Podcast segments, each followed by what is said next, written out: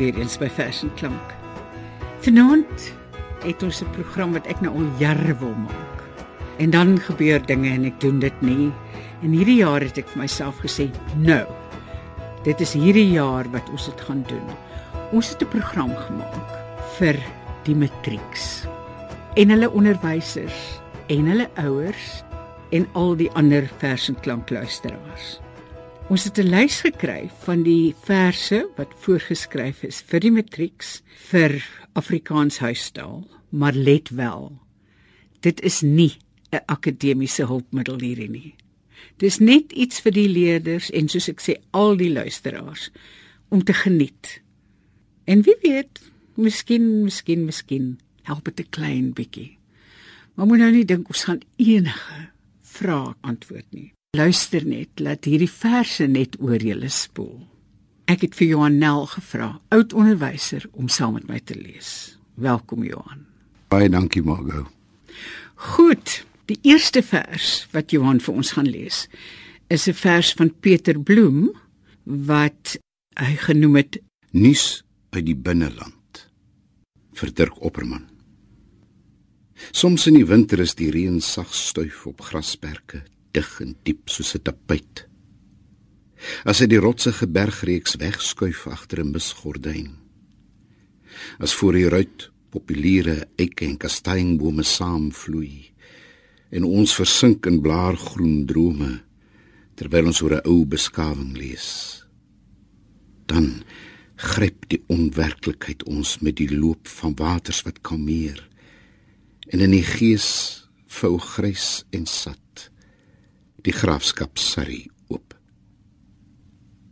Soms in 'n najaarsdag se skemertyd stap ons in 'n stil straatjie en gewaar deur 'n ou bolig kunstig uitgesny 'n vlegtende patroon van druif en blaar die lig van verre dae. Ons word gesluk soos deur 'n mond. Die luiterse getik van 'n ou horlosie vervang ons ontstoke harte se ritme in die kamerhoek en ons gestalte skwyn tot stywe spooke in die vernislaag van 'n Delftse doek. Maar as die bergwind so rukkerig waai en tussen ons rondkrap soos 'n stok in 'n muurshoop en die palms blaai nesse barbare in 'n keurige boek, dan is ons rillend buite alle mure wat ons opstapel in redelike ure met doel en plan, ruik ons droogte en brand en gerug van sprinkaan, aardbewing en oproer op daardie skroeiende binnelandse lug. Dan dan weet ons op watter vasteland ons boer. Die volgende vers is van Breiten Breitenbach met die titel 'n tipe epistemologie van water. Die hemel was somber suf van die gietende reën skeef gearseer, gebuig deur windstrome.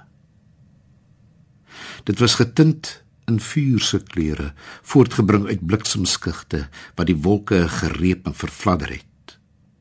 Die fakkels waarvan die groot waters oor die oorspoelde valleie geslaan en oopgekloof het, en waar die ontbloot is, het die omgebuigde boomkruine sigbaar geword in die dieptes dat jy daar kon sien saamgewrimmel op die baie bergspitse allerlei diere. Die marmotjies die giraffes die skuifende reptiele. Op laas getem met die heupelmans en vroue wat boontoe gevlug het met kind en kraai. En die landerye onder water se brandertoppe was besaai van tafels kartels arke balies hosyne stompe karavane vrieskaste kateders, kroegtoonbanke en 'n flottilje vlotte saamgeflans in nood en vrees vir die dood, so glibberig, so log, waarop 'n norringvare en moere met kroos kon hurk terwyl hulle arpeggios ioniese krete en verwyte en jammerklagte uiter. Lam geslaan deur die wind se woede wat die waters laat rol laat rol laat rol het tesame met die glinsterende groen lyke van die verminktes. 'n mompeling van dooie vleis weer en weer en weer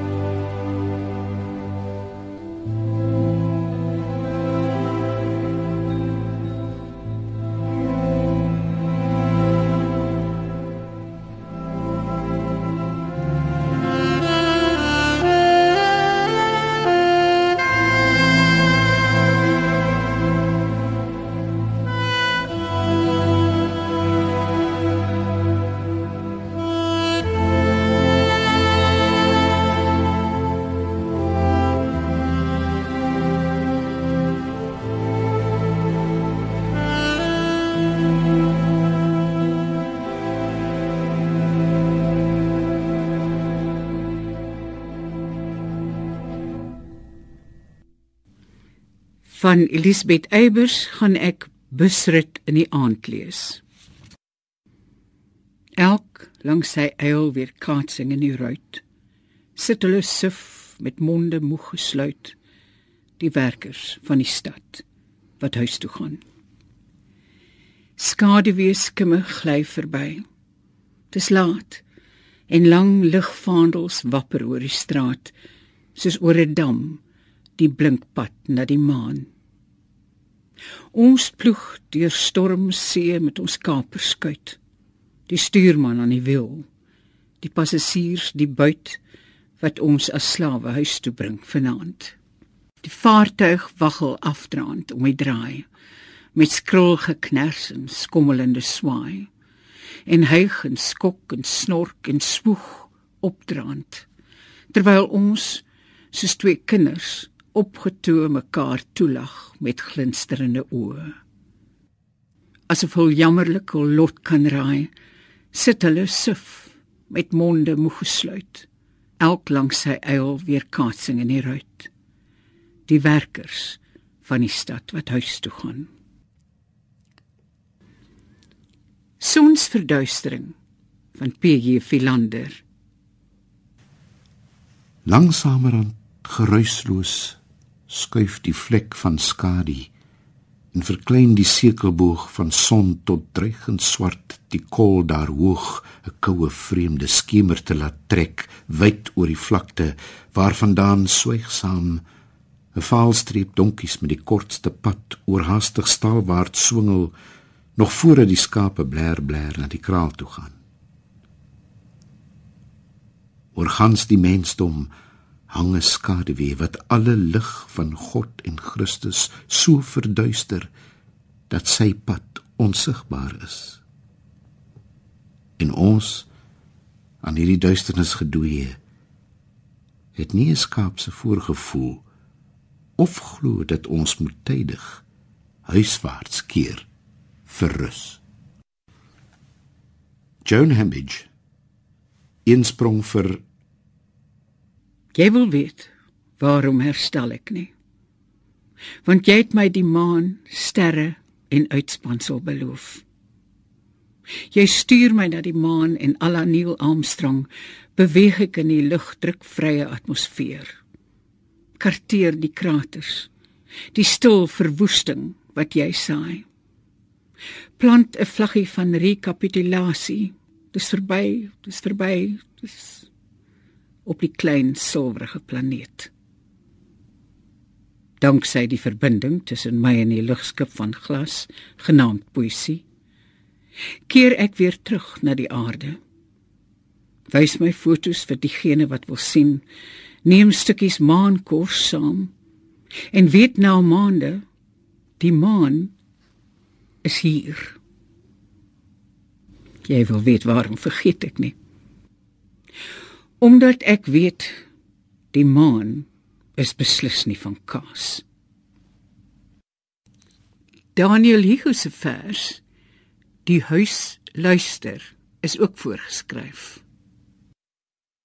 My kamers is hol soos 'n binneoor. Ek hoor hoe die bewoners roesemoes liefde maak, verwyd, mekaar vertroos, skoor soek met die goorhede. Nooit tevrede, aanhou kibbel oor kon en sou en moes. Luister. Ek bewaar julle verlede. My fondamente kraak onder die las. My plafonne raak foos van die ekkos. Te veel vloeke laat my pleisterwerk bars. Jare se trane laat my rame roes. So word ons saam verweer deur dit wat was. My dakplate en julle gebede fluistering knal al hoe harder om hulp. Ongehoord in elke nag se oorskop. Daar is 4 kwatryne van Ina Rousseau wat voorgeskryf is. Luister. Agter die skerms, lank reeds gegrimeer, aanskou ek die verhoogse glans en kleur. En wag dit u my toelaat om op laas my rol te gaan vertolk. O regisseur. As daar applous was vir die laaste maal en u die dekor moeg na onderhaal, sal u vir ons wat ons kostuums uittrek volgens ons moeite en geduld betaal. In hierdie klug vergeet soms 'n akteur heel onverwags sy reëls en loer versteur en angstig na die skerms links en regs. Maar geen souffleur se stem dring tot hom deur.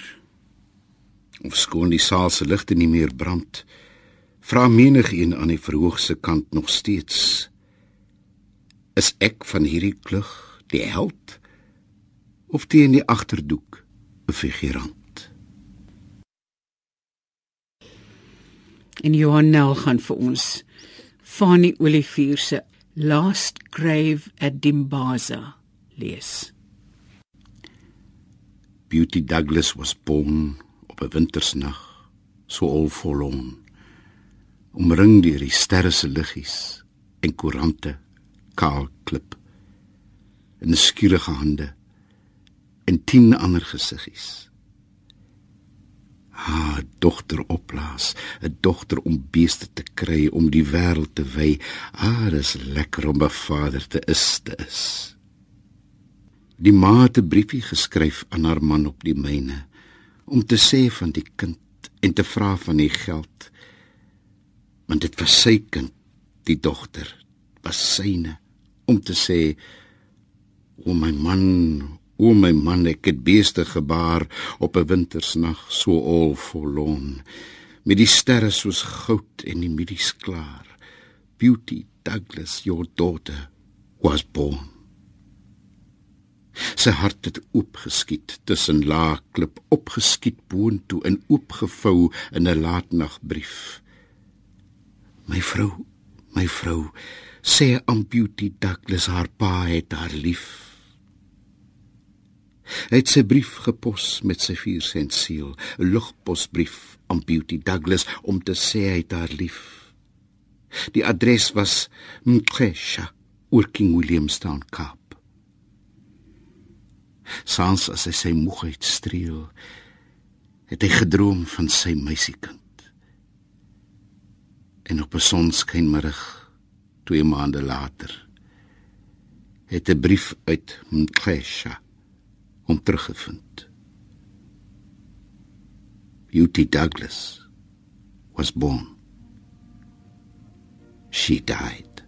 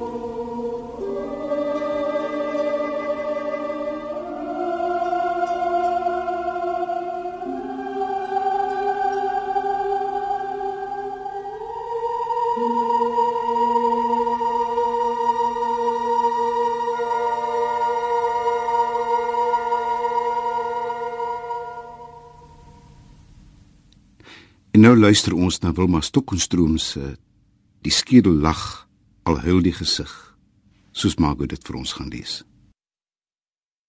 Eendag sal ek, weet ek, die dood met lagende skedel trotseer. Minstens my sin vir humor sal ek behou. Maar of ek soos oorlee mevrou Ples en soos die blou bok van my geboorteland ook 'n glaskas in 'n museum sal haal. 'n Seldsame dier is die mens nou nie juis. Tog, hoe slim tog is ons met ons innerlike uurwerk vernuf. Hoe sterk die groot swaaiende huiskraangebare waarmee ons wolkekrabbers reghoekig neerplak in woon- en sakekomplekse. Merkwaardig, ons grabbelende navorsing dwars deur dolomiet om ons arms diep so skagte te sink en die grys erts te gryp en op te trek, te vergruis en te veredel tot staaf op staaf korfagtig gepakte kluise van belegging. Haja. Ah wonderbaarlik ons vermoë om weggooi sand tot vuurstof te verryk wat as ons wou alles onherhaalbaar in allerlaaste oplaaiing woes skoon kan laat ontbrand. Ek sê mos. Die skedel lag. Al huil en huil die gesig. Neil van Tonner staat. Jare nou al sit roerloos wit 'n krap in 'n gaterige wal. Roer steeltjies oog met tye waaksaam omhoog.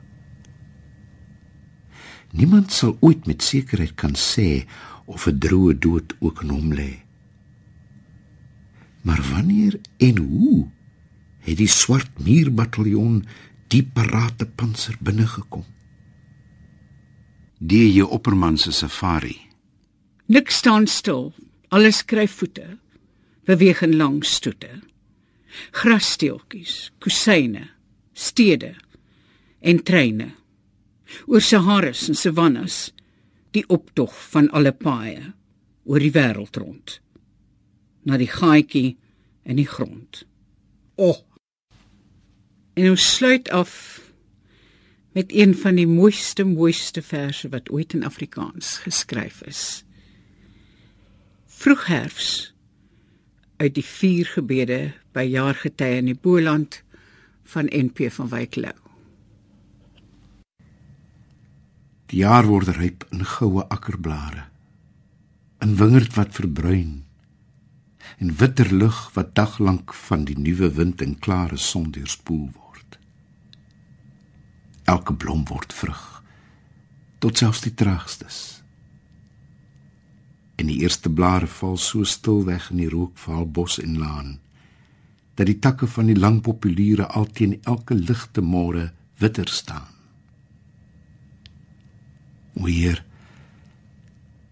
laat hierdie dae heilig word. Laat alles val wat pronk en sieraad was of enkel jeug en ver was van die pyn. Laat ryp word, Heer. Laat u wind waai laat stort my waan tot al die hoogheid eindelik vas en nakend uit my teerder jeug verskyn